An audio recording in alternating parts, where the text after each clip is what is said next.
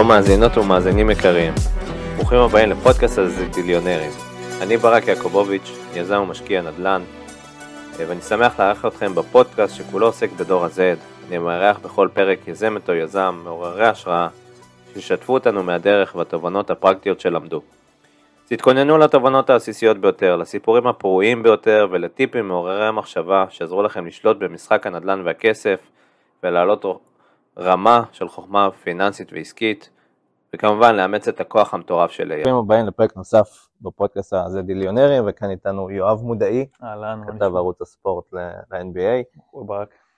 אהלן. אז uh, רציתי לדבר איתך קודם כל איך מגיעים להיות ערוץ, uh, כתב, כתב ערוץ הספורט. קודם כל זו ל-NBA. שאלה, שאלה שאני מקבל הרבה. לא הייתה לי, כי אני בעצמי שאלתי אותה בגיל מאוד מאוד צעיר ולא כל כך הייתה לי תשובה, אז פשוט ניסיתי, אתה יודע, כזה אמרתי, נעשה פה, נעשה שם. אה, המסלול שלי, כאילו, הוא שונה ממסלולים נגיד של כתבים אחרים באמריקה שהגיעו לאיזשהו תפקיד. אה, נתחיל מההתחלה, אוקיי? אני חלמתי להיכנס ל-NBA מהדלת הראשית. היה לי כמו כל אחד שהחזיק פעם כדורסל. בשלב מסוים פשוט הבנתי שזה לא קורה, ושש בבוקר, אנשים שבאים ודופקים לך כדורים כמו מטורפים, אז זה פחות אני, ואני יותר זה לחזור מבית ספר ולשחק 2K. אוקיי. אז אמרתי, טוב, אז אולי... איזה גיל אנחנו מדברים? נראה לי גיל 13, 13-14 כזה. אמ, גדלתי בחו"ל, באירלנד, פחות כדורסל, פחות. טירוף, כן. עד איזה גיל? אה, הייתי שם, הגעתי ב-11 עד 16. וואו. חמש שנים שכל מי ששחק כדורסל יודע, זה שנים משמעותיות בכלל, לא רק כדורסל. מהמם. אלה השנים שמעצבות אותך. אז בזמן הזה קצת התרחקתי, עדיין איך שיחקתי. האיירים בכדורסל? זה כל מי שלא טוב ברוגבי הולך לכדורסל. חבר'ה גדולים כאלה, מסיביים. ותוך כדי נכנסתי מאוד לכל עולם התקשורת. התרחקתי מהמשחק האינטנסיבי שהכרתי בישראל, שחברים שלי שיחקו בארץ. התחלתי בכלל את כל העולם הזה בעמוד אה, בשם דה קורבה, שזה כדורגל איטלקי. אה, מאוד מאוד, אני אוהד רומא ומאוד מתחבר לכדורגל האיטלקי, נולדתי ברומא, אז התחלתי מהכיוון הזה בכלל. אה, ובגלל שגרתי באירלנד, שזה צמוד לאנגליה, אז מאוד אוהב גם את הפרמייר ליג, מאוד אהבתי, רציתי להתקרב לקהל בארץ, להביא משהו אחר, פתחתי עמוד בשם הליגה בעברית, הגיע היום כבר בכל הפלטפורמות, פלוס מינוס אה, 50 אלף עוקבים, אה. ממש הפכנו להיות הבית של הכדורגל האנגלי בארץ. אה, תמיד אהבתי NBA, התחלתי לכתוב על NBA, אה, אני אעשה long story short, אחר כך אולי נרד יותר רזולוציות.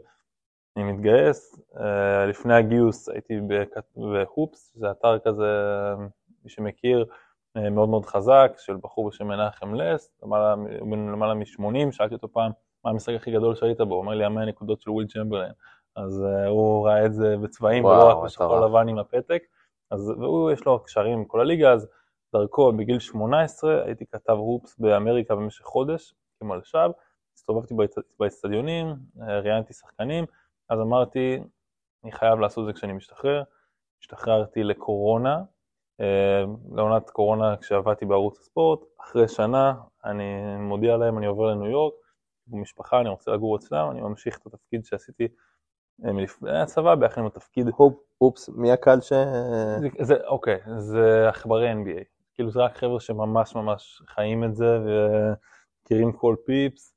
אה, אז זה פחות עכשיו לסקר גליצ'ים, אה, תראו מי עכשיו... כן, זה אה, בדיוק, זה להסתכל, שימו לב לאנליטיקה פה ולאחוזים המתקדמים שם.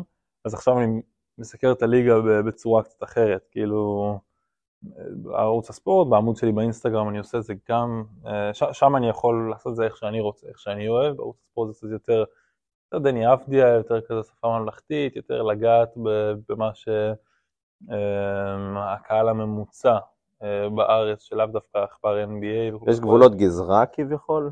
של אמ, מה, מה מתקדם מדי ומה לא רדוד מדי? אה, ברמת השפה, ברמת התוכן אתה אומר?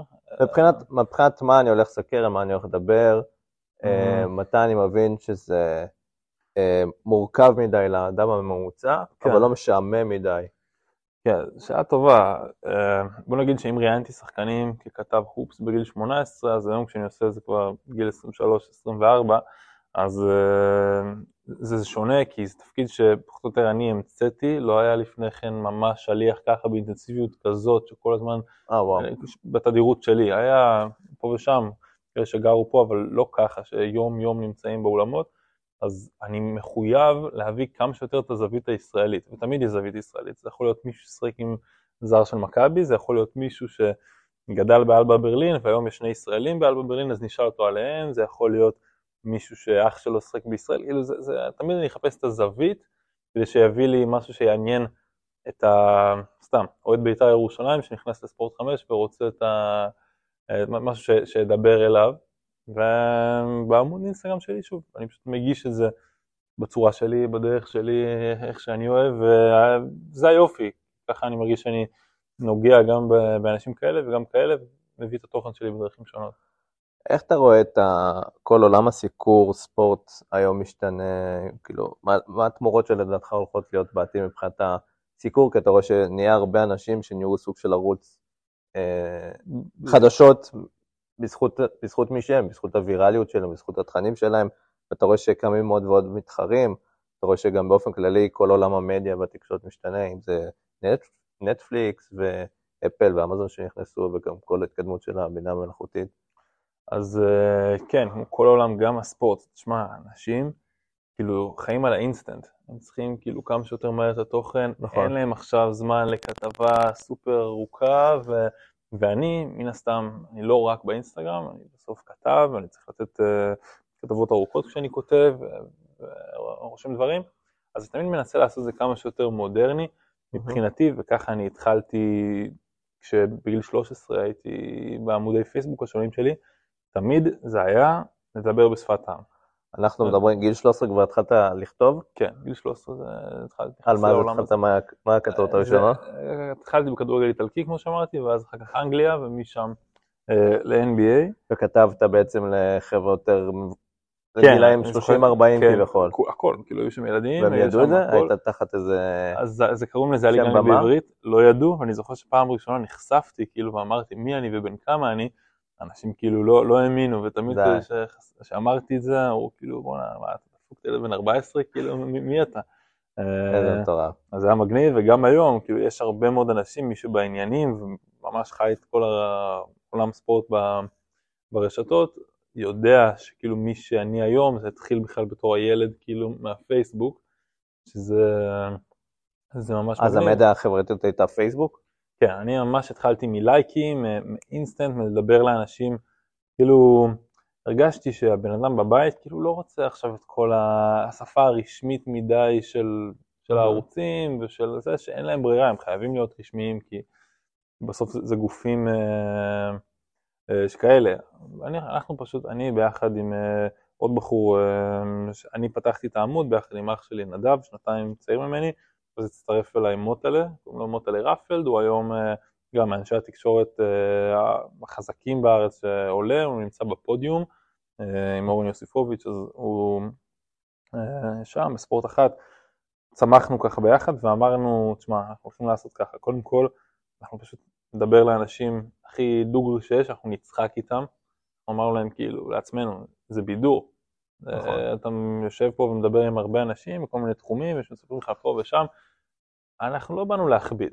נכון. אנחנו באנו לדבר ספורט. כאילו, כל מי שפותח את הפייסבוק, וכל מי שעוקב אחריי, הוא לא רוצה עכשיו משהו כבד, הוא רוצה ליהנות, זה הבידור שלו, זה הזמן פנאי שלו, אחרי שכל יום הוא נכון. עבר יום ארוך, הוא רוצה לשבת עם הבירה, עם החברים, וליהנות. אז ניסי, אני, זה גם אחד הדברים שהכי חשובים לי, להנגיש את זה בצורה כאילו כיפית, בידורית. ויחס אה, אישי לאנשים, שזה עולם ומלואו.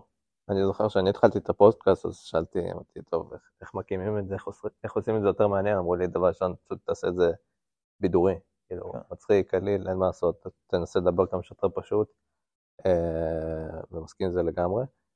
איך אבל ייצרת בעצם קרדיביליטי, כאילו מרגע ש... רגע עושה פרסט פורוורד, NBA, אתה מתחיל לראיין חבר'ה רציניים, אתה לא מהכתבים שהם מכירים או שמעו, איך אתה בעצם מצליח לגעת באנשים כאלה, מצליח לתפוס אותם? אמ, בסוף, ברמה הפרקטית, נסתכל על ה-NBA, אני נכנס לחדר הלבשה, לפחות במהלך העונה הסדירה, זה לא המון המון כתבים. אני יכול להיכנס לחדר ההלבשה של בוסטון למשל, אחרי משחק, לפני משחק, ויהיו שם אני ועוד שלושה כתבים אולי, או ארבעה כתבים, לפעמים זה חמישה עשר, אבל זה אף פעם לא יהיה יותר מדי. אם אני ארצה לגשת לשחקן ולתפוס אותו, זה לא הייתה כוכבים, אני לא אתפוס לאחד על אחד. אבל שחקנים, סתם, בוסטון עלה לי, אז מרקוס סמארט, שחקן ההגנה של, אה, לא העונה החולפת, שנה לפני זה, באתי אליו אחרי משחק שלו פה בניו יורק, בברוקלין, דיברנו איזה דקה וחצי, שתיים, וזה ככה עם כל שחקן. אמ, בזכות זה שאני תחת ספורט 5, זה זכיין אה, של ה-NBA בישראל, שמשדרים והכל, אז אני מקבל את האישורים האלה לחדר ההלבשה, וה-NBA תמיד נותנים לי כניסות, ו... אז, אז יש גישה, שזה, שזה כיף, ואז לאט לאט השחקנים כבר מכירים אותך. זה, זה חרא.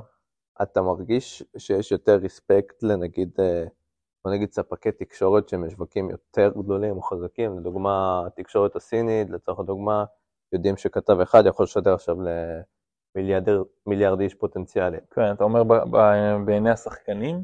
לא, בענייני ה... עכשיו אתה הולך לסקר אה, משחק, או, או לקראת רעיון או לרעיון שחקנים כאלה ואחרים, אתה מרגיש שלפעמים גם הפוליטיקה או הכסף מדבר יותר, או שסיקור יותר אובייקטיבי אמ, לא, בבמה? לא מרגיש יותר מדי, וגם לאו דווקא יודעים כאילו מאיפה אתה, אני נכנס עם tag, אבל כאילו לא כתוב ישראל, כתוב ספורט פייב, כאילו, ולא בטוח גם ששחקנים שמים לב לזה, או שאנשים מסביב יודעים, באים ואתה לוקח את הבן אדם לשיחה, זה, זה, ככה, זה, ככה זה הפרקטיקה.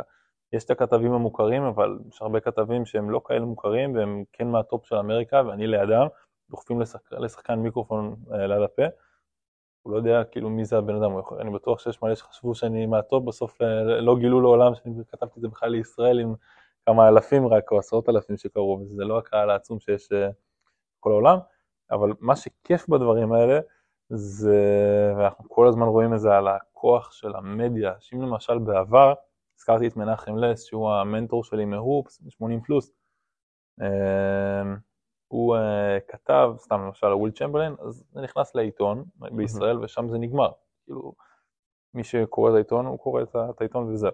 אצלי, אם אני עכשיו מביא uh, תוכן לאינסטגרם למשל, זה בשניות מתפוצץ וזה מגיע למאות אלפים מיליונים, קרא לי סתם. ניסיתי את מזלי בטיקטוק, אני אפילו לא הודעתי לעוקבים שלי שאני שם, אבל פה ושם מעלה סרטונים, רוצה להבין את האלגוריתם. העליתי סרטון של טיילר הירו, מתחמם, כל העולם חיכה לראות מה איתו, אני פשוט יש לי את הגישה, בן אדם מולי זורק, היד שלו נראה טוב, הוא היה פצוע, מצלם אותו, 1.8 מיליון אה, צפיות בטיקטוק. וואו. אז זה, זה הכוח הזה, שזה פתאום זה מתפוצץ, או צילמתי דניס שרודר מהלייקרס, קולע סל מהחצי, אה, כאילו אתה צריך להבין את העולם הזה, אתה יודע מתי יש פוטנציאל גם להתפוצץ בחו"ל.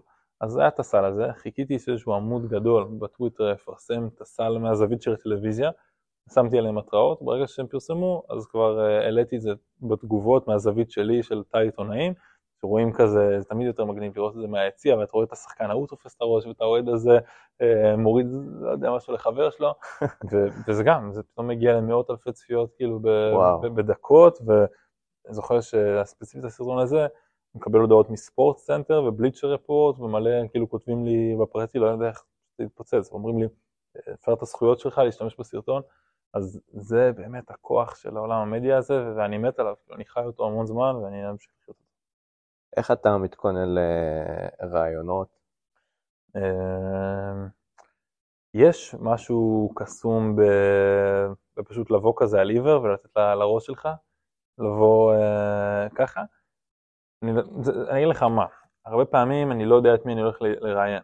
אז אני נכנס לחדר ההלבשה ולך תדע, למשל אני רוצה לראיין את שחקן, לראיין שחקן א', ובאותו יום לא יהיה לו כוח לדבר עם התקשורת, או שאני לא יודע מה, או שהוא ייתן משחק מטורף ואז הוא לא ידבר איתי אחד על אחד, הוא יעלה על הפודיום, מי שטוב אז עולה על הפודיום, ואז במסיבת עיתונאים ולא ככה חדר ההלבשה. אז אני תמיד לפני כל משחק עושה סקירה, רואה כזה מי השחקנים, לפעמים גם שולח לבוס שלי שהוא כאילו, לא יודע איך הוא עושה את זה, הוא עכבר גוגל מטורף שמוצא לך קשרים של סבתא של ההוא, כאילו יהודייה, ולך תשאל על זה, אה, שזה גם עוזר, אבל יש את התחקירים שלי, ויש הרבה פעמים שיש לי רעיונות מראש, אחד על אחד, אה, ואז אני ממש קורא הכל על השחקן, מתחיל בוויקיפדיה, ממשיך לכל מיני כתבות עליו, כאילו גוגל, אני מאוד מאוד אוהב להסתכל ביוטיוב על סרטונים שלו, להבין קצת את הבן אדם, לראות כאילו מה, יותר סוגר אותו, מה יותר פותח אותו, איך הוא פשוט בתור בן אדם, מה ה vibe שלו, ואני הכי אוהב לראיין את החבר'ה הצעירים, כי הם עוד לא נשחקו. אז הראיון איתם תמיד אה, יותר מגניב. יש לך שחקנים, ראיינתי את יודוניס האסלם ממיאמי, שעוד מעט צריך לחגוג 68, אה, אף אחד לא יודע בן כמה הוא. לא, הוא... בשנות כלב, כן. משהו כזה. אה, וואו, לא היה לו כוח, כל, מילה כבר הרגשת ש... וואו, לחץ הדם שם ירד, ו... אז חבר'ה צעירים, וגם הם באים אליך נחמדים, יש להם סבלנות, ואז הם יזכרו אותך אחר כך, ברגע שהם כבר יהיו כוכבים. זה האסטרטגיה השקטה שלי. מטורף. אה, אז יצא לך לסקר גם בדראפט האחרון, נכון? כן, בדראפט האחרון, אה, מה ש... קודם כל הייתי באירוע עצמו, סיקרתי אותו, זה היה על האתר של ערוץ הספורט, ואני אתן עכשיו את הדוגמה הקלאסית של מה זה הסיקור המודרני, מה שהתחלנו ואמרנו על, ה... על האינסטנט. אז עשיתי שם סרטון, שאלתי את השחקנים, האמת שזו שאלה שאח שלי הקטן אמר לי, לך תשאל, אה, היינו בחנות של ה-NBA, אמר כך, תשאל, נראה לי שאלה מגניבה, ישר אמרתי לו, בואנה, אתה כאילו, נדיר, כל מי שישמע את זה, ואתה גם, כאילו, בין אם ראית או לא, אה, שאלה מצוינת, לשאול את השחקנים הצעירים, את הדור החדש, דור האלפיים, איך אתה משווה בין השחקן שאתה היום לבין השחקן שהיית ב MyPlayer, ב-2K כשהיית ילד ופתחת, לברון וכל השחקנים ה-30 פלוס, אה, לא יודעים את זה, הם לא גדלו על מה נכון. שאנחנו גדלנו. נכון. הדור שלי, שזה השחקנים של היום, אין, אין אחד שלא שיחק, כאילו, נכון. ולא יצר שחקן. אז זה היה מצחיק, אז לשאול את כל השחקנים את אותם שאלה, וכולם היו כזה בפודיום, יושבים כזה, עיתונאים מסתובבים, ואז סרטון, אה, שחבר עזר לי לערוך אותו, אתה רואה את כל התגובות, ואז אתה רואה את הרוקיז, קודם כל כולם חייכו שזה כיף, אתה רואה כאילו את כל הילדים האלה, זה ילדים, כאילו בני 18, 19, 20, כמה הם יכולים לבוא ולשמוע על אה, מלחיץ אותך לשחק ככה, ואיך זה לשמור עליו, ואיך זה להיכנס ל-NBA. אני באמת רואה שמה שהכי מבדל אותך זה האיכות שאלות שלך, זה שאלות כן. שהן אחרות. כן, אה, תודה. מנסה כן להביא את הזווית הזאת, איזשהו שחקן אומר לי שם, כן, אני הייתי 2.21 בטוקה ויכולתי לעשות הכל, ואז שנינו אומרים בו זמנית, היית ויקטור ומבניאמה, שוויקטור כאילו נמצא לידינו. אה, זה להוציא את- הילד כזה מהשחקן, וזה בסוף לא רק מה שהשחקנים אוהבים, גם מה שהקהל בבית נכון. אוהב. כאילו, שאלה מעולה. כמה אפשר לשמוע קלישאות? שאלת גם את ויקטור? אז זהו, ויקטור זה היה מטורף, הוא היה במסיבת עיתונאים משל עצמו, היו שם אולי 300 עיתונאים, וכולם רצו לשאול שאלה, הייתי ככה במשך חצי שעה, כי הוא, הוא בול השחקן לשאול את זה, נכון. כאילו כי כל מי שאנחנו בנינו, השחקנים ההזויים, זה הוא. אז אני נכון. אשאל אותו על זה במהלך העונה הבאה, אתפוס אותו, אני חייב, אני אעשה את זה. אבל לא, לא, לא נתנו לי את רשות הדיבור באותו, באותו יום. וואו, מטורף. איך אתה רואה שהסיקור ב-NBA השתנה בשנים האחרונות? אה, כל הזמן אני שומע את זה בהשוואה של מייקל ג'ורדן. וכאילו, איך מייקל היה נתפס היום, אם כל הדברים שהוא עשה היו הופכים לוויראליים כאילו ברגע. אז אני חושב שזה כאילו המוקד של כל הדבר הזה, שהיום ה-NBA הוא כל כך חזק, יש לו את כל האינסטגרמים שלו, ובפייסבוק ובטיק טוק, כאילו, הם נותנים דגש עוד יותר ל highlights. כאילו אם אנחנו ידענו שזה ליגה של כוכבים וליגה של, אה, של הטבעות, אז היום הם ממש מקדשים את זה, כי זה, זה תמיד היה כסף, זה תמיד מה שמכר, זה תמיד ה show, נכון. אבל היום כאילו יותר מתמיד. מתי התחילו עם? אה, אני חושב שהראו איזה גרף פעם שיש קורולציה מטורפת בין הרגע שהתחילו עם כל ה highlights האלו לרגע שפשוט התחילו להטביע פשוט הרבה יותר. זה מעניין, זה ממש מעניין. היו highlights כאילו מן הסתם גם בשחור לבן, כאילו כל הוויל צ'מברליינים היו, שנות ה-50, 60, לא רואים כל כך טוב. אמ, תקופה של לארי ברד ומג'יק ג'ונסון בשנות ה-80 זה כבר הגביר תאוצה, אבל עכשיו זה, זה, זה ממש, כאילו, זה נהיה ויראלי בשניות, ופשוט יש הרבה יותר אנשים שמסקרים את ה-NBA, אמ, והרמה עלתה. כאילו בטירוף, מרגישים את זה שהרמה עלתה, שממש יורדים לעומק הדברים, ובוא נגיד מי שמחפש תוכן של הליגה הזאת, כאילו זה רק לשבת ולבחור. איך אתה חושב שזה משפיע על המשחק אבל? נראה לי ש... שבצורה טובה, אתה יודע, כאילו, אה, בצורה טובה, אני חושב שבזכות זה שהסיקור יותר טוב, יש יותר אפשרויות, אז אה, גם שחקנים, אה, גם האוהדים יותר בעניינים, דיברת קודם על ה... על הפרילנסרים האלה, שיוצרי תוכן, אז ניקח למשל את אה, פיני בראל, אנחנו בקשר טוב, ולא יש אה, את המעקב דעה, זה בעצם הפך למותג, וזה מה שהפך אותו למותג, שהוא מתמקד בדני, כל מהלך ומהלך שלו, ומסכם כל לילה כבר שלוש שנים, שלוש עונות, אה, את כל, ה... את כל הדבר הזה שנקרא דני אבדיה, גם על הפרקט, מחוץ לפרקט, שפת גוף, ואנשים אוהבים את זה, אנשים, כאילו זה, זה חוסך להם את הלראות שעתיים וחצי משחק בלילה, ולנסות לא להירדם ולהכין עוד קפה, או לקום אה, בבוקר מוקדם ולהקליט, רואים את מה שצריך לראות, אה, אז, אז לגמרי, זה רק גורם לעוד אנשים לאהוב את הליגה הזאת, בתקשורת יש חלק עצום בזה.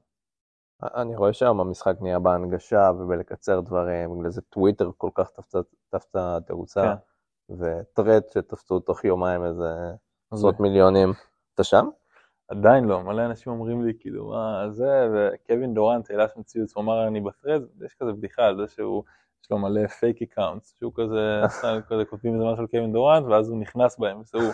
אז הוא אמר, לכו תמצאו את ה fake account שלי ב Threads, אז הוא נמצא שם. גדל. אמ, מה, אתה אומר להיכנס? לא נכנסתי לעולם הזה, לא יודע, כאילו יש לי טוויטר, מה, אני צריך את זה? אני חושב שכל, מצחיק שאני אומר את זה, כי אני נגיד בטיקטוק עדיין לא. כן. אני יודע שזה מה שיקח אותי לשלב הבא, אבל יש לי איזה משהו שמונע ממני להגיע לשם. אבל אה, אני חושב שבדרך כלל רשתות חברתיות חדשות, ככל שהן יותר בתוליות כמו טיק טוק בשנים האחרונות, אנשים צברו מיליונים של צפיות ועוקבים, כי הם רכבו על קידום אורגני של הרשת, בסופו של דבר, עד שהם התחילו למסחר את עצמם, ואז התחילו לפגוע באלגוריתם שהוא לא ממומן, כן. אז ייקח עוד קצת זמן, וגם פה, אתה רואה, יש אייפ סביב הדבר הזה, אתה יכול לצבור אלפי עוקבים, בסופו של דבר המשחק זה חשיפה היום. וכמובן גם תוכן איכותי שילווה לזה. אמ, אז אני אומר, עוד, עוד אה, פרסום בחינם. עוד... אה, אתה, אתה שם דגש על הכמות ואיכות העוקבים ש... שעוקבים אמ, אחריך? אין לי עכשיו טבלת אקסל כזה ואני רושם אה, בדיוק כמה עלו, אבל אני כן אוהב להסתכל מדי פעם באינסטגרם שיש את ה insights ולראות כמה עלו, כמה ירדו. אמ, אבל כן, כאילו לגמרי, אני שם לב מי עקב אחריי. ערוץ יוטיוב יש לך? לא, אין לי ערוץ יוטיוב, אה, אף פעם לא היה לי. שקלת אה, להיכנס? האמת שלא. לא? לא. אני אגיד לך מה, בגלל שאני יוצר תוכן מסוג אחר, אז גם האינסטגרם שואב ממני המון. נכון. שואב ממני הרבה יותר, למשל, מכל עובד אחר של ערוץ הספורט, שהוא בא למשמרת, עושה את מה שהוא צריך בשביל ערוץ הספורט והולך הביתה. היום לאט לאט אצלי גם באתר ובערוץ בכלל יש כאלה שהתפתחו להם. אמ, ואני זה לא רק ככה, כאילו אני מנסה גם לקדם את מה שאני עושה בשביל הערוץ באינסטגרם שלי, אבל גם לתת שם תוכן ייחודי שאני לא יכול לעלות אה, לערוץ, כאילו זה פשוט לא יעניין, סתם, אם יהיה עכשיו איזשהו משהו מחדרי הלבשה של הניקס, של איזשהו, סתם, שחקן זורק איזושהי בדיחה, או אני זוכר שעשיתי ראיון עם פרנץ וגנר, שהוא אחד הכוכבים הצעירים של אורלנדו, אנחנו שם מסתלבטים על זה שהדובר שלו אמר שאנחנו קופי, נראים אותו דבר. Hmm. אז יש לי סרטון כזה שרואים את התגובה, ואז אומר, הוא כזה צוחק, ואז הוא אומר, כן, תשמע, זקן פה, שם, אני לא אעלה את זה אה, לספורט חמש, זה לא מעניין אף אחד, אז כאילו יש לי גם את השיט שלי, ו... צריך לתחזק את זה, אז יוטיוב כאילו, פשוט אין לי את הזמן. שקלת לשכפל את עצמך? וואו, צריך. כן. אם אתה מכיר איזה מישהו ש... אולי אחיך. הוא טוב בשאלת שאלות. נעשה לו אודישנים, כן. יש רעיון שממש חששת ממנו לפני?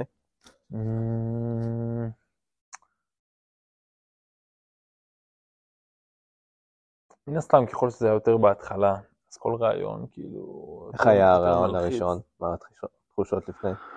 אה, ב-NBA או בכלל, בכלל רעיון ראשון? בוא נתחיל ראשון ראשון ואז נעבור ל-NBA. וואו, רעיון ראשון ראשון. וראיינת? צריך לחזור אחורה ולראות, אבל אני זוכר ב-2018, סתם, עכשיו אה, הייתי במחנה כדורסל שהיה בווינגייט, כדורסל ללא גבולות. אה, ב-2017, סליחה, אני הייתי בן 18, זה היה עוד לפני שטסתי לארה"ב, זה היה באוגוסט, פגשתי שם את דיוויד רובינסון, שהוא אגדת אה, סן אנטוניו, האדמירל, וראיינתי שם איזשהו מישהו מהנהלה של פילדלפיה, כאילו, זה מדהים עכשיו בדיעבד לראות איך כאילו אתה בלחץ שם מכל שאלה, ואני מראיין שם עוזר, עוזר, עוזר מאמן אינדיאנה, אה, וגם שם בלחץ. אה, עם הזמן זה ישתחרר, כאילו, אם אני כבר לוקח את הדוגמה של אה, מלחיץ אז מול היום, אז קריסטפס פורזינגיס הוא הדוגמה הקלאסית שלי, הסיפור שאני גם סיפרתי לו פעם, והראיתי לו את הסרטון וצחקנו על זה, ב-2017, אה, ממש כמה שבועות לפני הגיוס, שבוע לפני שאני עומד בעיר הבה"דים כאילו בחי"ת וצריך לצעוק לשמיים, אני נמצא בחדר ההלבשה של הניקס, מדיסון סקוור גארדן, ופורזינגיס אחרי שיא קריירה, לדעתי 40 נקודות, הוא כולו צעיר, ואני אומר, אין סיכוי שאני לא שואל אותו שאלה. והתקשורת בניו יורק התקשורת הכי חזקה בעולם, בהכל, וכולם סביבו, משהו כמו אולי 25 עיתונאים עם מיקרופון, ואני אומר, ימות העולם, כאילו אני שואל אותו שאלה. חייב uh, להשחיל, כי כאילו... אני שואל את השאלה, יאהב אותה, לא יאהב אותה, לא משנה, אני צריך להגיד שראיינתי אותו, ואז לישון, uh, לקום רגוע בחמש בבוקר שבוע אחר כך, וסיטואציה מלחיצה, כי זה לא אחד על אחד, מהמם. זה ראיון, אתה צריך לדעת בדיוק מתי אתה נותן את השאלה. נכנסתי לאחד העיתונאים האחרים בדברים, אה, רציתי למות באותו רגע, וזה הכל בשידור חי, זה ב-MSG TV כזה, אה, ואז פרוזינגיס מסתכל עליי, והוא בעצמו ילד, לדעתי שנות ה-97, מסתכל עליי, עושה לי, you're excited, אה?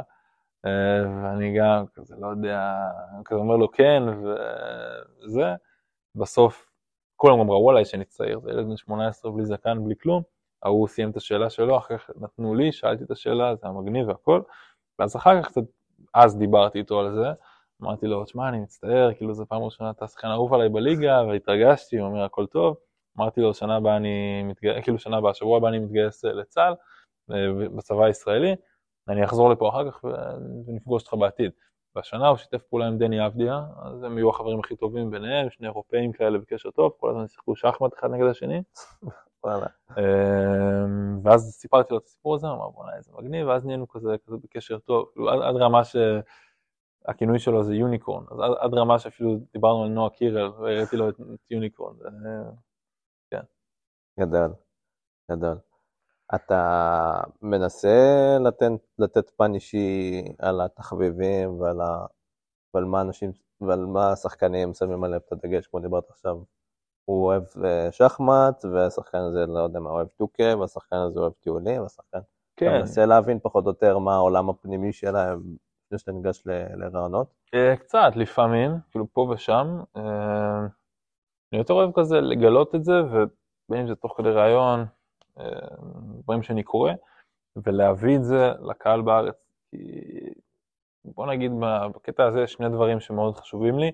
אחד זה בכלל, לקרב את ה-NBA לישראל, זאת אומרת שבן אדם בא, פוקח את העיניים, שש בבוקר, יעשה ככה, יראה כאילו בסטורי, אה, את השחקן מול העיניים שלו בריאיון עם מיקרופון של ספורט 5, וכאילו ירגיש בואנה, זה כאילו זה קרוב אליי, יש פה מישהו ישראלי שהיה שם ודיבר איתו, וזה לא רק השחקן הזה מהטלוויזיה, השחקן הזה מהטוקי, כאילו בסוף זה בן אדם. ומעבר לזה, השלב הבא זה כבר שיכירו את הבן אדם באמת, ויבינו, זה שאני מנסה להעביר כל הזמן, שכן זה כוכבי ענק. החוזים ב-NBA רק הולכים ומשתדרגים לסכומים כאילו מטורפים. אתה בא ויושב שם מול בחור בגיל שלך, שחתום על חוזה של מיליארד שקל, או משהו כזה, וזה מיליארד שקל לא לקריירה, זה מיליארד שקל לחמש שנים. אז זה, זה באמת, זה הזוי, זה רק, זה רק השכר, זה לא רק מה שהוא מרוויח בפרסומות מסביב, ו... אז זה מותגי על, אבל בסוף גם זה בן אדם. זה בן אדם וזה צחוקים, וזה שואל שחקנים כאילו על חומוס בישראל, וכאילו על, על uh, שחקנים שהיו בטיולים בישראל, אז אנחנו כזה מספרים, שספרו כזה איפה הם טיילו, ומה הם עשו בתל אביב, ופה ושם. אני, אני מאוד אוהב את ה- את החוויה, לא רק המקצועית, וכמה קלטת ומה איך היה ההפסד. שיראו את הבני אדם. מדהים. מי נראה לך הולכת להיות הפתעת העונה? בעונה הבאה. אה, יכול להיות שיוסטון אה, הביאו את פרד ון וליט, הביאו כמה rookies טובים. הם יכולים להפתיע. אני, אני מת לעשות אה, טיול אה, בטקסס, לעשות שם גם דאלאס, עם לוקה השחקן האהוב עליי, לעשות אה, יוסטון, שישתפרו אז יש יותר מה לראות. איך לראיין את לוקה? לראיין את לוקה, קודם כל, יש לי את הסיפור המצחיק שלי איתו, שראיתי אותו בגיל 16, אנחנו אותו גיל, אני אפריל 99, הוא פברואר 99, אה, אני רואה אותו ביד אליהו, 2016, משחק נגד מכבי, הוא מסיים עם אולי שתי נקודות, כאילו, חרא של משחק. בסוף בתור ילד הוא הולך ומזמין מקדונלדס לכל הקבוצה ויוצא משם עם שקיות. אני בא, שואל אותו, אפילו לא בטוח שזה לוקה, אז אני שואל אותו לוקה והוא מתפלא בכלל ש... שאני זוכר uh, שמישהו יודע מי הוא, אני הייתי היחיד שזיהה אותו, מוכר מקדונלדס, אנשים מסביב כאילו כלום.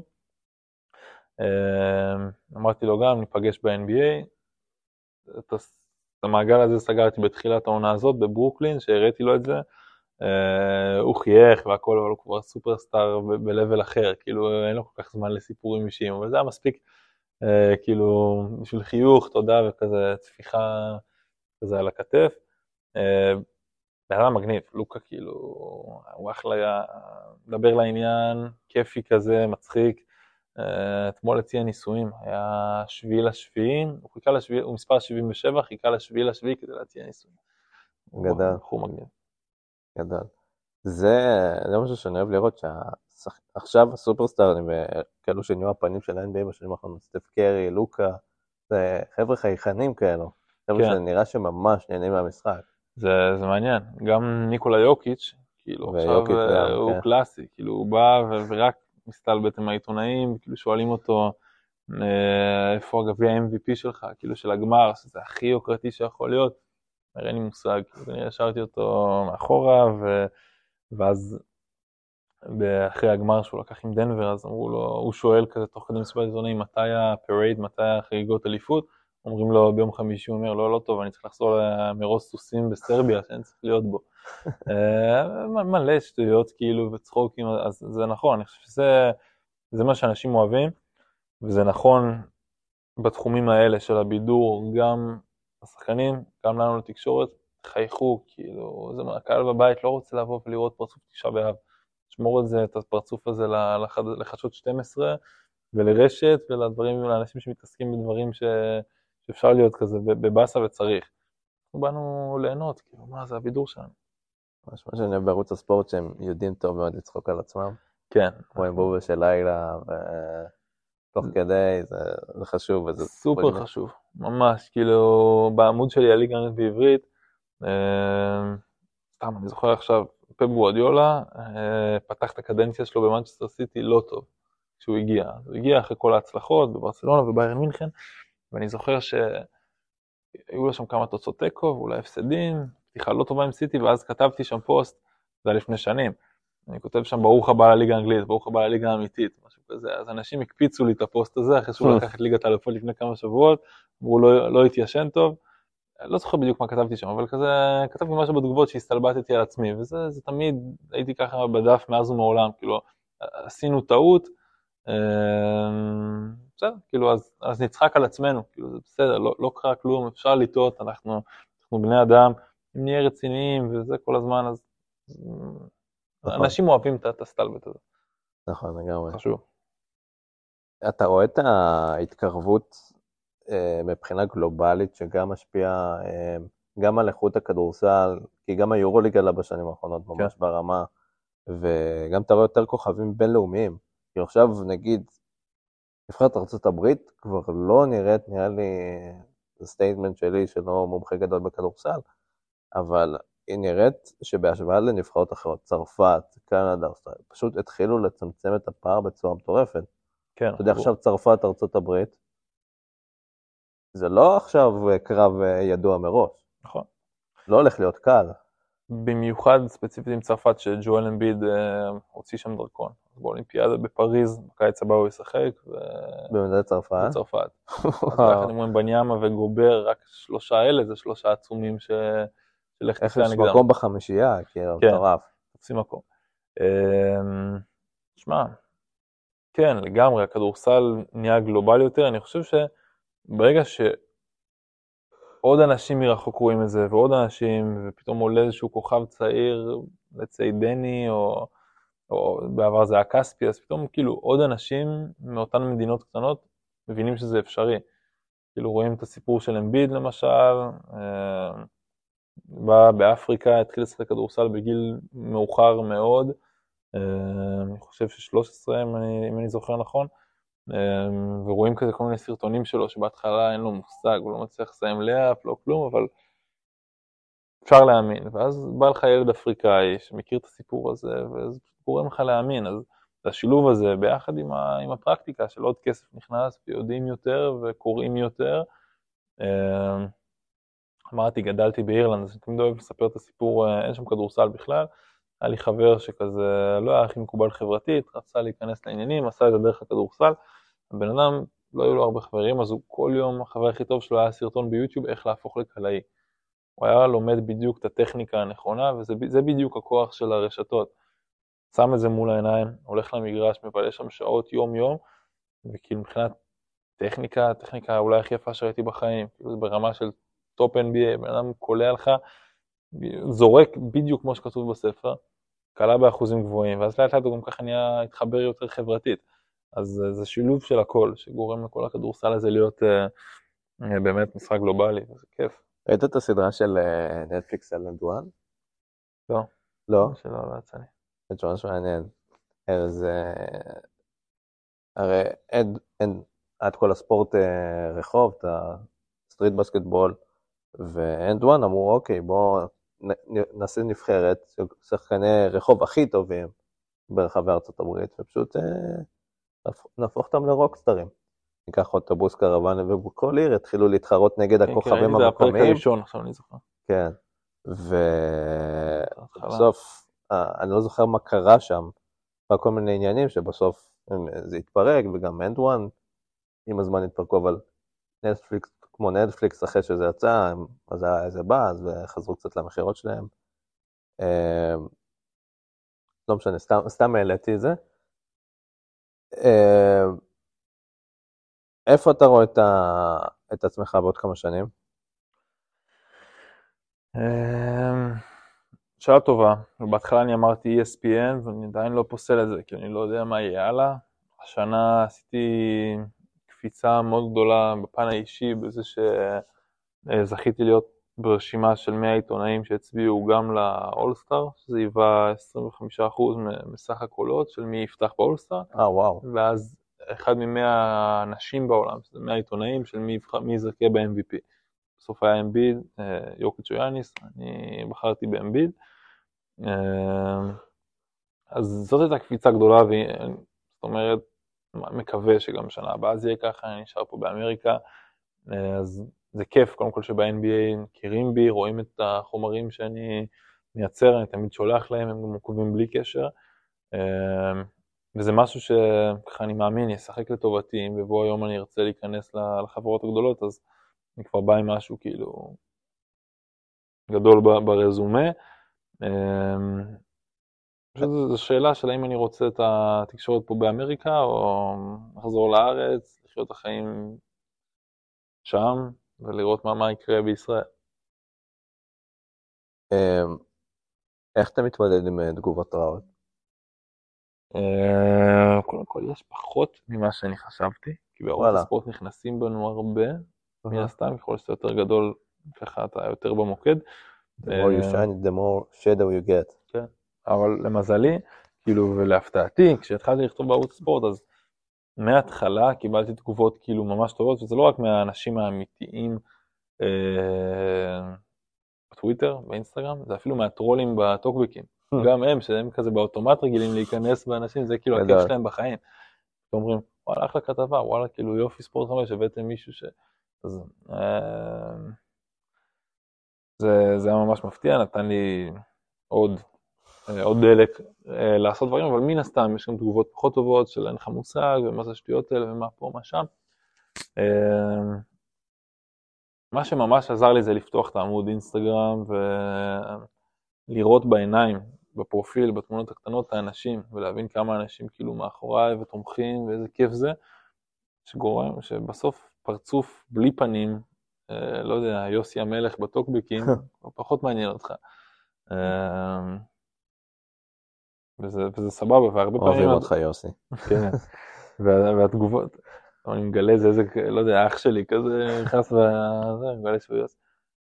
תשמע, זה מחזק אותי, הדברים האלה, הרבה פעמים יש גם הערות חשובות, כאילו, כל מיני ביקורות של לא דיברת על זה, לא היית צריך לקרוא לו ככה, לא משנה מה. חשוב, כאילו, אני, אני מת על ביקורת, זה, צומחים מזה. נכון.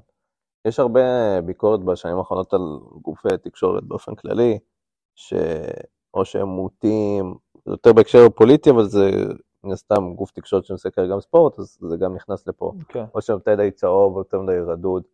אתה, כאחד שחי בתוך זה ומתפרנס מזה, אתה מרגיש שזה באמת נוכח גם בתחום של הספורט.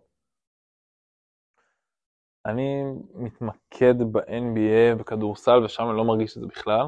אני חושב שהסיקור אה, שלנו בערוץ הספורט, גם בערוץ, גם באתר, הוא ברמה הכי גבוהה שיש. כשמשהו קורה, אז הוא מתפרסם שניות, כאילו אחר כך כבר אצלנו באתר, יש לנו את חדר החדשות. אין לך אתר בעולם, שזה באמת פונקציה שהתחילה ב-N12, של צ'אט הכתבים, לקחנו את זה אלינו כי אנחנו, אה, אנחנו תחתם, תחת N12,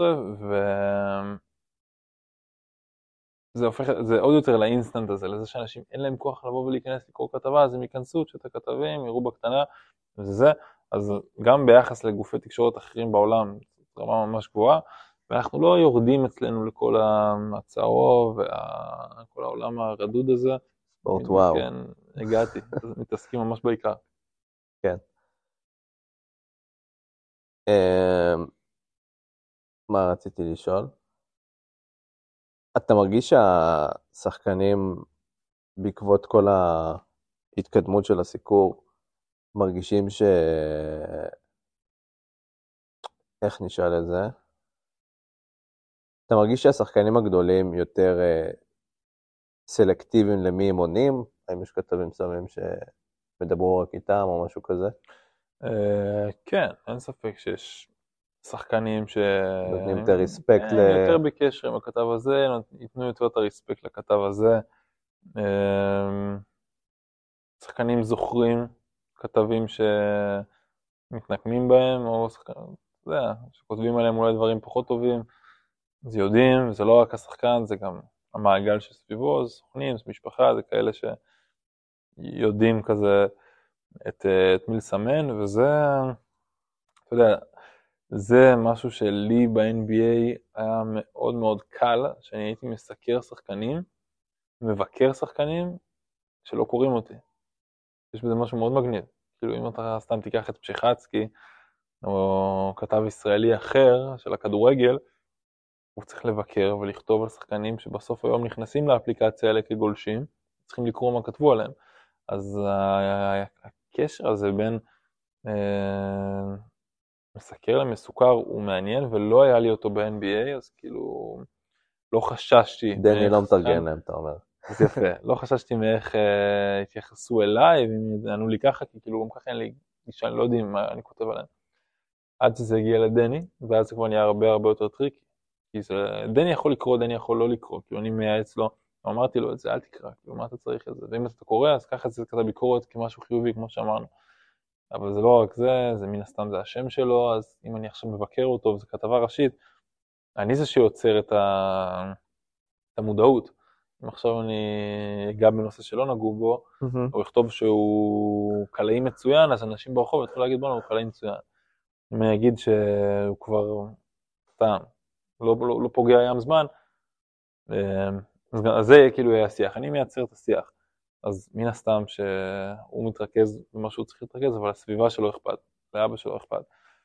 ואתה חייב להיות יותר חכם באיך שאתה כותב, ובהתחלה לקח לי זמן להבין את זה, כי אני חושב שאחד הדברים שאנשים אהבו בי, אה, ועדיין אוהבים בי, זה שכאילו אני לא, לא סופר אף אחד בקטע של הביקורות, כאילו אם צריך להיכנס במישהו ניכנס בו, אם צריך להרים לו, נרים לו, אבל כאילו נגיד את הדברים בדיוק כמו שהם.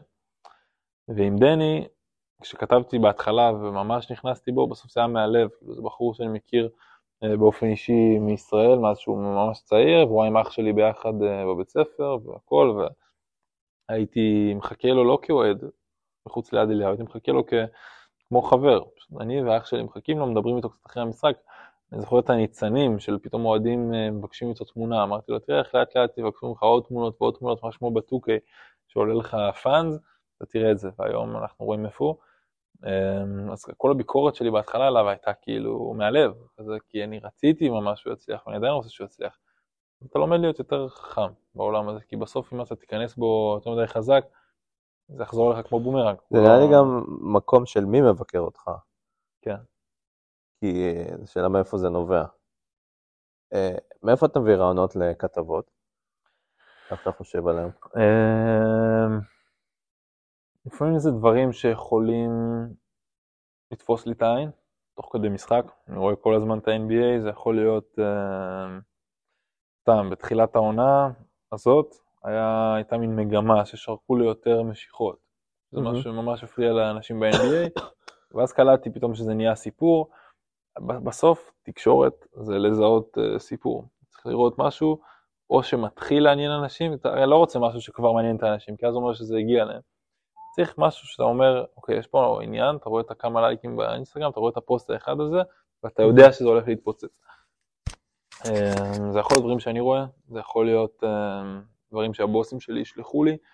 אה, סתם היום העליתי כתבה על בחור בן 17 שהוא אה, ישראלי-אמריקאי, מככב בתיכונים, אה, קיבל כבר scholarship מ-USC, שזה הקולג' של הבן של לברון, קנזס, אובורן, קנטקי רוצה אותו, כאילו ממש כל הגדולות, והוא אמר שהחלום שלו זה לשחק בנבחרת ישראל. זה מישהו כאילו ממש מוכשר, הוא כאילו מבין עברית, נולד בארץ. אה, אז זה ספציפית הבוס נגיד שלח לי, אמר, הוא פשוט, הוא ראה על זה ציוץ, אמר, קח תחקור את העניין. זה נתן לי כזה עצם, אמר, לך תשחק עם זה. אז אני עושה את זה בדרך שלי. אה, מה הופך סיפור טוב לסיפור מצוין? אמ, קודם כל זה משהו שיכול להשתנות בדיעבד, כאילו באותו רגע זה יהיה סיפור טוב, סתם, נמשיך לדברים שקרו היום. אה, שנה שעברה כתבתי על בחור בשם, בתחילת העונה הזאת אולי, או בסוף, סליחה, זה היה בסוף שנה שעברה, בחור בשם דני וולף, נראה בין לארי בר לבין רואה חשבון, והוא 2-13, ישראל, אה, יהודי, אה, ששיחק באיזשהו תיכון לא כל כך מוכר, והלך לאוניברסיטת יייל. יייל מכירים אותה ככל הגאונים, אבל יש להם איזושהי קבוצת כדורסל. לא יותר מדי עניין. בסופו של דבר אני העליתי את הכתבה עליו, אמרתי כאילו, זה סיפור, יש פה יהודי, 2-13, אפשר לאזרח אותו. עזוב מוכשר, לא מוכשר. הוא משחק כדורסל והוא 2-13, קח אותו לנבחרת. היום הוא ערך את הבכורה שלו אה, במדי אה, נבחרת העתודה, היה מצוין אה. ממש, כאילו ממש נהיה סיפור. כל השידור דיברו עליו וזה, וגם כתבה שאני פרסמתי אותה, ובגלל שאמרתי יש לנו את השת"פ הזה עם N12, אז זו הייתה כתבה מהרביעית, כאילו ב-N12 שלישית בגובה, ממש בטופ שם של האתר. אה, אז זה נגיד סיפור שבעיניי היה ממש טוב אז, כשפרסמתי אותו. היום זה סיפור ש... שהפך למצוין, כי זה התגלה כ... כבינגו, ובזכותי כאילו בסוף הגיע לנבחרת. אה, אבל באותו רגע אני חושב שזה זה ההנגשה שלו, זה, זה איך אתה עושה את זה, כאילו, יש הרבה סיפורים שהם יהיו מצוינים, אבל בסוף אתה צריך את המספר.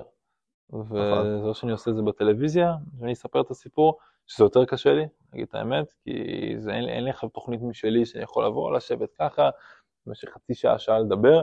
לרוב אני עולה לפינות, זו פינה במגרש פתוח, זו פינה במהדורת חדשות הספורט, זה הרבה יותר רשמי, נכון. אז אני פחות יכול להיות בשפה שלי, אה, וזה מאוד מאוד מהיר, אז אני צריך להגיע לתכלס כמה שיותר מהר, אני לא יכול עכשיו לבוא ולספר סיפור, לאנשים אין זמן, הם יעבירו ערוץ, כאילו אני מגיע למהדורות, לא לתוכנית. אה, אז אני אוהב את הטורים שלי בספורט 5, ואז אני כבר מספר את זה בדרך שלי, בדרך הסיפורית שלי, מכניס לשם highlights, מכניס לשם שירים, עושה מה שאני אוהב, אה, עוטף את זה, או שולח את זה לאנשים, במרכאות, בעמוד האינסטגרם שלי, יכול להוסיף סתם איזשהו שיר, למשל, אני מעלה טור, מעלה לסטורי ועושה באינסטגרם Music, מוסיף איזשהו שיר כדי שיתפוס להם את האוזן ומשם את העין. אתה לא עושה. כתבות אבל אה, וידאו גם. אה, לא, אבל השנה כן נכנסתי לזה, אני לא זה שעורך, אבל אני כן יכול נגיד לעשות אה, כתבת וידאו, ש... שזה מאוד מגניב, יצא לי באפריל האחרון שהייתי בארץ לעשות טור, טור של דקה, דקה וחצי, שאני מדבר מול, אה, מול מצלמה ופשוט נותן את הטענה שלי, שזה גם מאוד מגניב, וכן, בסוף, אתה יודע, אם עכשיו סיפור טוב, מה הופך סיפור טוב לסיפור מצוין, מה הופך טענה טובה לטענה מצוינת, זה אני ועוד בן אדם מהרחוב, או מה שזה לא יהיה, יכולים להגיד את אותם דברים בדיוק, להקריא מאותו פרומטר, זה יהיה שונה, זה, זה בסוף, זה, זה איך שאתה עושה את זה. ואני יכול להשוות, נגיד, ביני לבין סטיבן איי סמית, שמבחינתי, כאילו אפשר להגיד עליו הרבה דברים, הוא מ-ESPN, בחור מבחינתי הכי כריזמטי שאני מכיר בטלוויזיית הספורט, כל הענפים.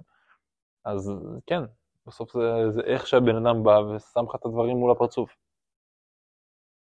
מי אתה מסתכל עליו look up ברמת אה, הנגשה, רטוריקה, storytelling?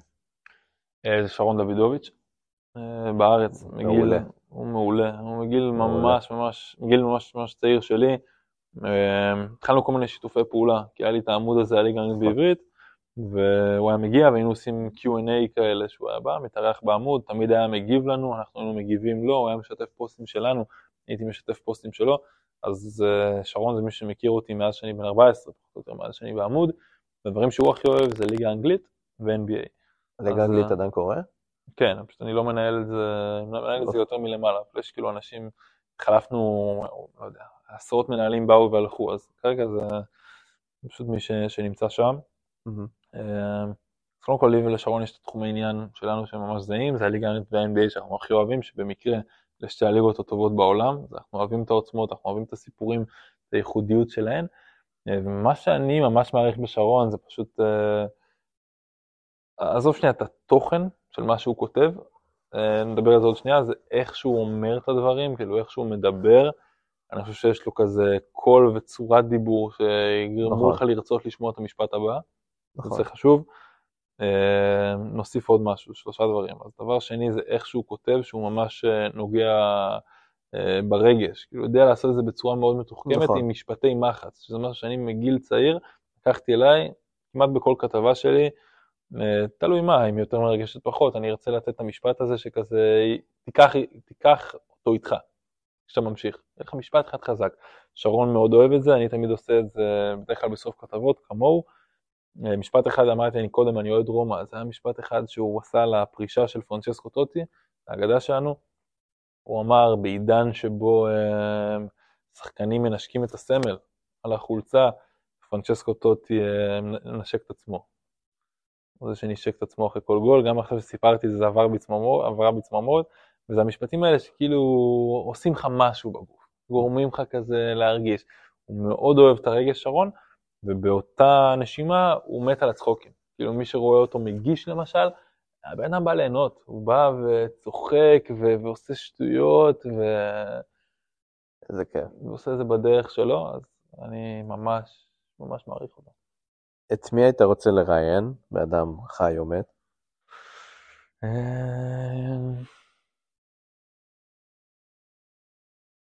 יש לך עכשיו שעה? אפשר לשבת עם מישהו. כן. אמ, הראשונים שקופצים לי לראש זה מן הסתם לברון ג'יימס ומייקל ג'ורדן. כנראה שלברון, כאילו הוא הדמות שאני אני גדלתי, גדלתי עליו, הוא פשוט היה בכל כך הרבה ראיונות, אז uh, הוא בדיוק מהדוגמאות האלה של האזלם, שכבר הוא, הוא נחנק מזמן. אבל כן, אפשר לומר שלוקה הוא בן אדם שהייתי רוצה לשבת איתו להרבה זמן, ולא רק שאלה ב... במסיבת עיתונאים, אלא ממש לשבת עם, עם הבן אדם. לא כזה נראה בן אדם שכיף איתו במסיבות. זה- לא, לגמרי, זה בן אדם ש... אני זוכר שהיה את מאמן אה, נבחרת אה, צ'כיה, הישראלי ננו גינסבורג, ביורו בסקט האחרון לפני שנה בקיץ הקודם, והוא היה מספר שם שהוא היה מסתובב במלון ורואה את לוקה מעשן נרגילה ודופק שם בירות ואוכל וזה, ומשם, זה עוד נולד לפני כן, אבל הכינוי אה, הוקה דונצ'יץ'. האמת שזה מדהים שאיכשהו השתננו, שעכשיו הכוכבי על ב-NBA הם כאילו נראים אנושיים, הם מרגישים אנושיים. כן. לא בגודל, אבל אתה יודע, יוקיץ' לא עכשיו האתלט, המטורף, אה, לוקה גם אותו דבר, גם סטף קרי בזמנו, עדיין. כן. וזה מטורף שהם נראים, אתה יודע, אנושיים כאלו. פעם זה נראה, וואו, כרמלו אנטוני, או לברון מן הסתם. קודם כל יש את מומבניאמה שמאזן את זה לגמרי, כן. הוא הכל כן. חוץ מאנושי. אה, כן, זה מה שאני חושב גרם לכל כך הרבה אנשים להתחבר למסי. נכון. כל כך הרבה אנשים רצו שהוא ייקח את המונדיאל הזה, זה אחרי כל מה שהם עברו איתו וגדלו איתו. אף. אחד לא יכול לכתוב סיפור כל כך טוב, כמו הסיפור של המונדיאל. לא, זה היה סיפור מושלם. אם אתה רוצה קצת יותר מושלם, זה תעיף לי את הפנדלים, תן לו גול ניצחון שלו, היה שם נכון. ממש בסוף שהוא נתן בעיטה מטורפת נכון. ונעצרה. זה, אם אתה רוצה גול ניצחון שהוא חתום עליו והגביע ממש ממש אך ורק על שמו, שהוא נגיד בועט הפנדל האחרון, אבל לא, לא נהיה גרידי, כאילו זה, זה היה אירוע ספורט ש... אתה, אתה יודע מה, דיברתי על זה לדעתי אה, עם חבר, ושאלתי אותו האם זה היה כאילו האירוע, האירוע הטלוויזיוני ברמת הרייטינג כאילו הכי גדול אי פעם, וכאילו, נראה לי שכן. או טלוויזיוני יותר גדול ממסי. עד שאילון. מאסק ומרק צוקרברג החליטו ללכת כן. מכות, כן, כן, כן. אבל כן. אה, לא, זה באמת העולם עצר מלכת, וזה היופי של הספורט, כאילו, זה... אני זוכר, אימא שלי, כאילו. שהכי אין לה כוח לראות, אה, פשוט עצרה וכאילו הפסיקה הכל. וכן, המונדיאל היה באמת, לצערי לפחות, זה היה בקטר, כן? כן. הם זכו לכל העילה הזאת, אבל אה, זה היה באמת אירוע מטורף, אירוע מטורף. מה עוד?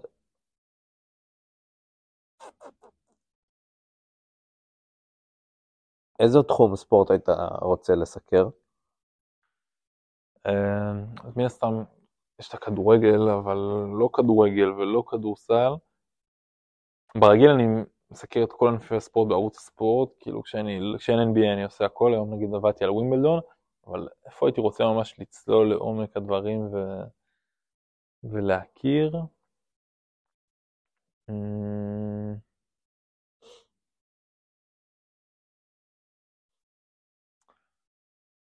שאלה טובה. לא חשבתי על זה, כאילו בראש שלי מאז שאני ילד זה כדורסל, כדורגל וכל השאר זה ענפי ספורט אה, אחרים. אתה יודע, תמיד היה לי איזה משהו לכדור מים, ולא, לא, לא, כדור מים? כן, לא, לא יודע, לא התקרבתי לזה, לא התפתחתי לזה. אמ, נראה לי ספורט מגניב. כן, אבל אין איזה משהו, אה, אין איזה סיבה מיוחדת או מעניינת. איך אתה רואה את הסיקור של אה, ספורט נשים לעומת אה, גברים? אמ, זה כן משהו שעולה, זה משהו שאנחנו, אני בעצמי מתעסק בו יותר, אני מרגיש ששולחים לי, יש אצלנו מישהו ששולח אה, תמיד כתבות על נשים, אני זה שמעלה את זה. אה, רואה שיש איזה יותר עניין, גם כל החברות הגדולות מנסות כזה אה, לדחוף את זה, כל מיני פיפא למיניהן, ששמים לך אה, את השחקניות האלה על העטיפה ועל הקאבר. אה, אבל בסוף אני מסתכל על המספרים, כל פעם שאני מעלה כתבה לערוץ ספורט, אנחנו תמיד רואים כאילו כמה אנשים נכנסים. זה פחות מעניין משמעותית, כאילו את, את הקהל הרחב. הלוואי וזה היה נראה קצת אחרת, הלוואי והיה יותר איזון. אה, אני זוכר כפעם, כילד, ממש אהבתי את הספורט, את הטניס זוגות מעורבים. זה היה Mm. בחורה וגבר, לא יודע, חושב שהיה בזה משהו ממש קסום, ממש, זה עדיין קורה? עדיין. לא בטוח. נראה לי שכן, מאמין שעדיין. יש מיקסט, שבטניס יש את זה, אבל אה, זה משהו שאני חושב שיכול היה לדחוף עוד יותר את הספורט, כדורגל, כדורסל, דמיין פתאום באולסטאר, לא יודע, להכניס לשם יותר בחורות, לעשות איזשהו משחק כזה. אה, אני כן אוהב לראות שבתקשורת יש יותר נשים. עכשיו אה, הייתה את אושרת עיני שפרשנה גם. במונדיאליטו, וגם עכשיו בטורניר אה, של עד גיל 21 של זה היורו מה שקרה, זה. מטורף פשוט. וזה כיף, וזה לא הרגיש לי כאילו, מה היא עושה פה, ומה עכשיו שמו בחורה, וכאילו זה עשו את זה דווקא, ופמיניזם, לא, כאילו ממש, התחברתי לזה, בסוף, אימא טובה טובה, כאילו זה לא משנה אם יש קול כזה או נכון. כזה, והיא הייתה מעולה, וזה היה רענון מעולה לתקשורת הספורט. יש לך תחושה מי הולך להיות השחקן הבא ב-NBA הישראלי, פרט לים הדר? יש לנו עוד איזה אה, פרוספקטים ש... יש את בן שרף, הוא השם הכי גדול, שהיה עכשיו במכבי נתניה, מצוין, רציתי לראות אותו בנוער, אבל אה, הוא נפצע אז הוא לא ישחק.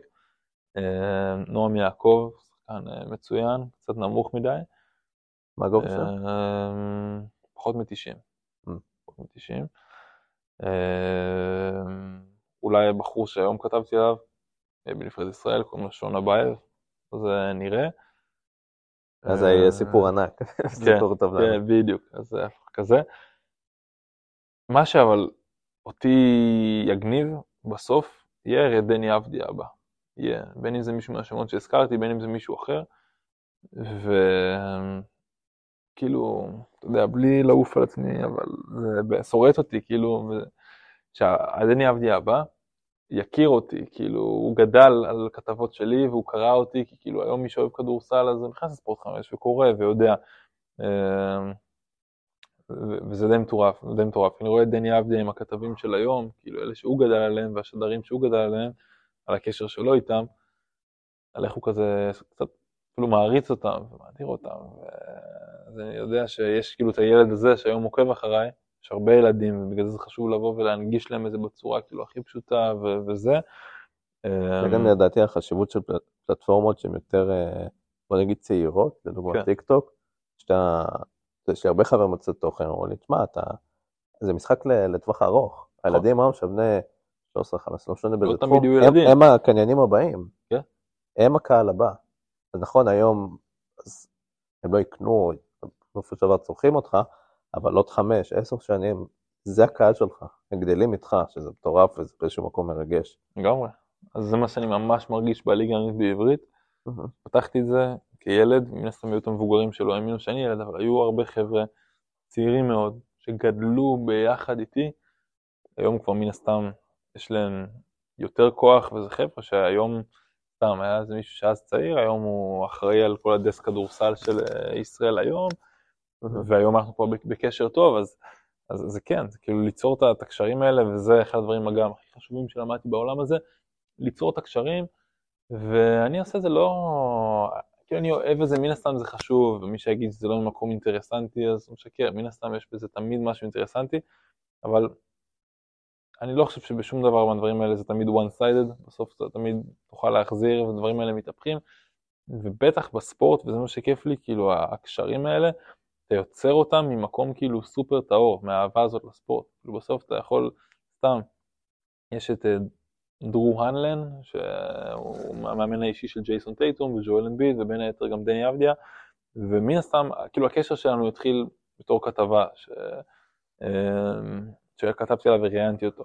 אבל היום אני רואה אותו במגרשים, והוא סתם כאילו שואל אותי שאלות, מה, מה לדעתך היום במשחק, מה לדעתך איזה הגנה הוא צריך לעשות, אז כאילו, הקשרים כאילו, תמיד יהיה את הנושא שיחה, כי זה ספורט, כאילו זה טהור. היה מעניין אותך. לעבור לשלב של אימון וכזה? אף פעם לא חשבתי על זה, אני לא נראה לי יקשיבו ניהול לי. קבוצה. כאילו, לא, לא, אני לא חושב שאני בקטע של מאמן, ניהול אולי קצת יותר. אה, scouting, יכול להיות. כאילו, אני ממש מתעניין בכל העולם הזה של שחקנים צעירים, ולדעת מדהים. לשים את האצבע על השחקן, ולא רק כלפי חוץ, כאילו גם על, על האופי, וזה אחד הדברים החשובים, לראות מישהו, לזהות את האש בעיניים, לדעת שהוא הולך לעבוד קשה.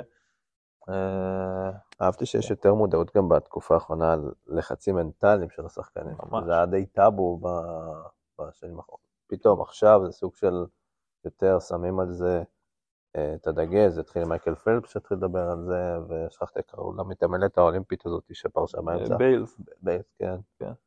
ואתה רואה גם ב-NBA, לא זוכר מי דיבר על זה לאחרונה. כן. וזה זה גם מטורף, גם ברמת הסקיור. נכון, נכון. אז אצלנו, דיברת על הסיקור, אצלנו בערוץ הספורט של דניאל סילברשטיין. אה, בחור באמת נדיר כאילו במקצוע הזה, בוגר גלי צה"ל, תותח על, הוא עשה תוכנית שהם לבד במגרש, Mm, ובדיוק אירח את השחקנים האלה שיבואו וידברו על ה- כל החוויות המנטליות הקשות אה, שהם עוברים. אין לי ספק שאצל דני אבדיה רואים את זה בצורה הכי ברורה שאולי אני ראיתי מספורטאי בכיר עם כאלה ציפיות, כאילו רואים איך הוא עדיין ילד באופי שלו ואיך הוא עובר טלטלות נפשיות ומנטליות ואיך הוא פעם ככה ופעם ככה, וזה לא רק במספרים, בסטטיסטיקה, זה באמת אה, בשפת הגוף שלו, ואיך כאילו דברים קטנים משפיעים עליו, וזה משהו שישתפר ממש בעתיד. אה, הוא גם, אין לי ספק, ידבר על זה אה, בהמשך, הוא הקיץ היה בפודקאסט, סיפר על איך זה השפיע עליו שפרצו לו לבית אה, בעונת הרוקי שלו. אה, אבל כן, אני אוהב שנותנים את המקום הזה ל- לדברים הנפשיים, חשוב בטירוף. איפה אתה רואה את עצמך עוד שנתיים? שלוש? אה, עדיין פה, בארצות הברית, בטווח הקצר. אה, עדיין בספורט 5, בסוף אם בטווח הקצר אני ארצה להיכנס לאיזשהו ESPN, זה לא קורה בן לילה, צריך להתחיל מלמטה, וזה משהו שלי יהיה קשה, כרגע עדיין לא מוכן אליו, זה משהו שאני אצטרך לחשוב לטווח הארוך איפה אני רוצה לגור. אה, אז כרגע בספורט 5 אני אוהב להיות זה שמעביר את ה-NBA, את החוויה הזאת מפה אה, לקהל בארץ, ו... ובעתיד איזשהו משהו משלי, איזשהו מיזם, אולי באמת scouting, ניהול, לא יודע, נזרום עם זה, בסוף זה מה שעשיתי עד היום, פשוט נתתי לה, לאהבה, באמת התאווה הזאת לספורט, וכאילו זה, זה מי שאני וזה אני חי, לתת תמיד לזה לסחוף אותי, נעשה את זה גם הפעם, מקווה שיהיה טוב. טיפ אה, ליוצר תוכן, מתחיל, או לכתב, אמ, בסוף, אני חושב שזאת קלישאה רצח, כל הזה של העבודה קשה וזה, אבל צריך לדעת שגם מי שנמצא בטופ, ואני מדבר על אנשים שהם הרבה יותר בטופ ממני, כאילו בטופ של הטופ, אמ, זוכרים את ההתחלה, וזה אמיתי, כאילו אני זוכר איך באותו עמוד של האנגלית בעברית, הייתי מעלה במשך שבועות וחודשים פוסטים, זה היה מגיע לשני לייקים, שלושה לייקים, ארבעה לייקים, אני זוכר ממש את העוקבים הראשונים, אז פתאום זה דו ספרתי, ואז פתאום זה תלת ספרתי, ואז פתאום זה, מה זה אחד יותר מתלת? ארבע ספרות. אז זה באמת חשוב. אמ, תמיד שואלים אותי כזה, מה, אתה ממליץ, אתה לא ממליץ? אתה צריך לשאול את עצמך, כאילו אם יש לך את התשוקה האמיתית הזאת, שזה בין תשוקה לסריטה, בעיניי, לגמרי. כאילו, כל תחום.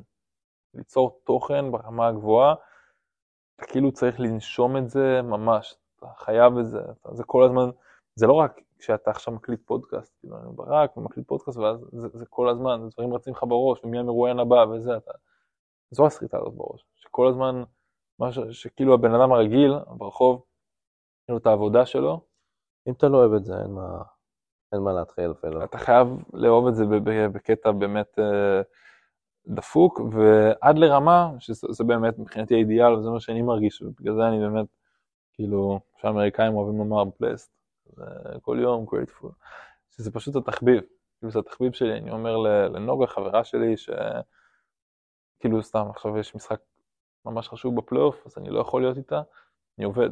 אבל אמרתי לעצמי, כאילו, גם אם לא הייתי עובד בזה, לא היינו נפגשים. כאילו, אני הייתי רואה את המשחק. אז זה, זה התחביב, זה מה שאני אוהב, כאילו, לא יעזור. אם יש גמר NBA, הייתי רואה, אם עכשיו גרג פופוביץ' היום חתם על חוזה חדש בסן אנטוניו, זה היה מעניין אותי גם אם לא הייתי בעבודה הזאת. אז עכשיו ספציפית העליתי על זה אה, מיד פוסט, כאילו, מאות לייקים, אלפים, לא משנה כמה, ש... כמה שאנשים שזה הגיע. גם אם לא הייתי בעבודה הזאת, הייתי שולח את זה לקבוצה של הפנטזי שלי, והיינו מדברים על זה, וצוחקים על זה, ומדברים ודנים, מסכימים או לא מסכימים. כאילו זה, אני חי את זה. שכל יוצר תוכן צריך ממש לחיות את זה ו... ולרצות להשתפר ולחשוב כאילו איך אפשר להביא משהו אחר. אתה חייב את הייחודיות שלך, אתה חייב שאנשים כאילו ידברו עליך בנושא שיחה שלהם, שהם עם חברים בחמישי בערב באיזה בר בתל אביב, מהמם. יעלו אותך לנושא שיחה, ושיהיה לך את הקטע שלך. אתה צריך להיות שונה, צריך להביא משהו מעניין לשולחן, ו... ולכל אחד כאילו יש את המקום, כל אחד יכול להביא את הזה שלו. אה, שאלה אחרונה לפני סיום. אתה רואה הבדלים ב... בתרבות, בסיקור בין ישראל לארה"ב, ברמת שאלות? אני, שם... אני כישראלי שגר פה גם, אני רואה את זה ברמת, אם אני שואל שאלה יותר אישית, אז לפעמים צריך לדעת למצוא את הבאלנס, אתה רואה את זה אה, גם ברמת הסיקור והרעיונות, איך אתה ניגש לדברים. אמ, אם אני משווה את זה לטופ של אמריקה, שזה ESPN, זה האתלטיק, אלה האתרים הכי חזקים פה, ויש לך כתבות שכאילו אצלנו רואים את האורך הזה רק בבית כנסת. כאילו זה לא נגמר, הם עושים פה כתבות עומק שנוגעות בכל כך הרבה דברים, וזה למשל משהו שאני מנסה יותר, כמה שיותר להביא לספורט 5, לאו דווקא לחפור, אבל פשוט כמה שיותר נושאים מעניינים. מהמם. בסוף אני חושב שזה זה עניין של מקצועיות. כאילו, לא בכוח יחפשו פה את את הכותרת בהכרח. כאילו, אני מרגיש שלפחות האתרים הגדולים לא יגנבו דעת, לא ייתנו... בסוף, אני חושב שהמילה היא clickbait. כאילו, עם כל הצער שבדבר, כאילו, clickbait זה לא משהו שמעניין אותי באינסטגרם שלי, אני פשוט נותן את התוכן שלי, אתם רוצים תיכנסו, אתם לא רוצים אל תיכנסו. ברגע שאתה עובד באתר כמו ספורט 5, זה ביזנס כאילו פר אקסלנס, הם חיים על הכניסות, אתה חייב לדחוף להם, תצפו בסרטון, צפו בתקציר. הדבר הבא, היהלום המסתורי, כאילו מילים כזה מפוצצות, hook. ש... כן, בדיוק, כמה, יש כמה שיותר הוקים כאלה, אני בעד להשתמש בהם, אני מרגיש שאצלנו בארץ זה לפעמים יוצא too much מפרופורציות מאשר בארצות הברית, הקהל באמריקה למד להעריך יותר תוכן איכותי בזכות זה, בארץ אני מרגיש שהקהל נהיה יותר ויותר חכם, קצת אה, יותר נמאס לו מזה, הוא מבין כאילו את ההוקים האלה, הוא מבין שרוצים לעבוד עליו, הוא רוצה יותר כאילו את התכלס. זה מה שאני מנסה להביא לערוץ ספורט, כמה שיותר כאילו דוגרי, כאילו איך שאני אדבר על המסך, איך שאני אכתוב, זה בדיוק כמו שאני אדבר אה, עם חברים שאני יושב איתם, זה בדיוק איך שאני אצחק, כאילו, זה מי שאני, כי אני לא, אין הבדל בין מי שאני בקבוצת פנטזי לבין מי שאני בספורט 5. כאילו בוואטסאפ, זה, אני, מה שאתם רואים, זה what you get, כאילו זה אני. מדהים. משהו אחרון לסיום? להוסיף? אה, תמשיכו לעקוב, ובכל נושא, לא משנה מה, תעקבו ותנו את הביקורת כשצריך, ותנו גם את ה... אני חושב את הפידבקים, לא, לא, לא בכוח הפידבקים הטובים, אבל אני מאוד מאוד אוהב אנשים שכאילו מפרגנים, שזה נותן, זה עושה טוב. כאילו אם עכשיו, זה עכשיו בכללי נהיה פתאום עמוק, אבל אם עכשיו אני רוצה לבוא ולהגיד משהו טוב למישהו, לא להתבייש. כאילו אם באמת משהו יושב עליך ואתה יודע שזה יעשה לו טוב, תן אותו. אתה יכול לשנות לבן אדם, לעשות לו את ה... מסכים, לגמרי. מאוד תודה, מעורר השראה וכיף ומרתק. תודה רבה, רק תענוג. תודה רבה אחי.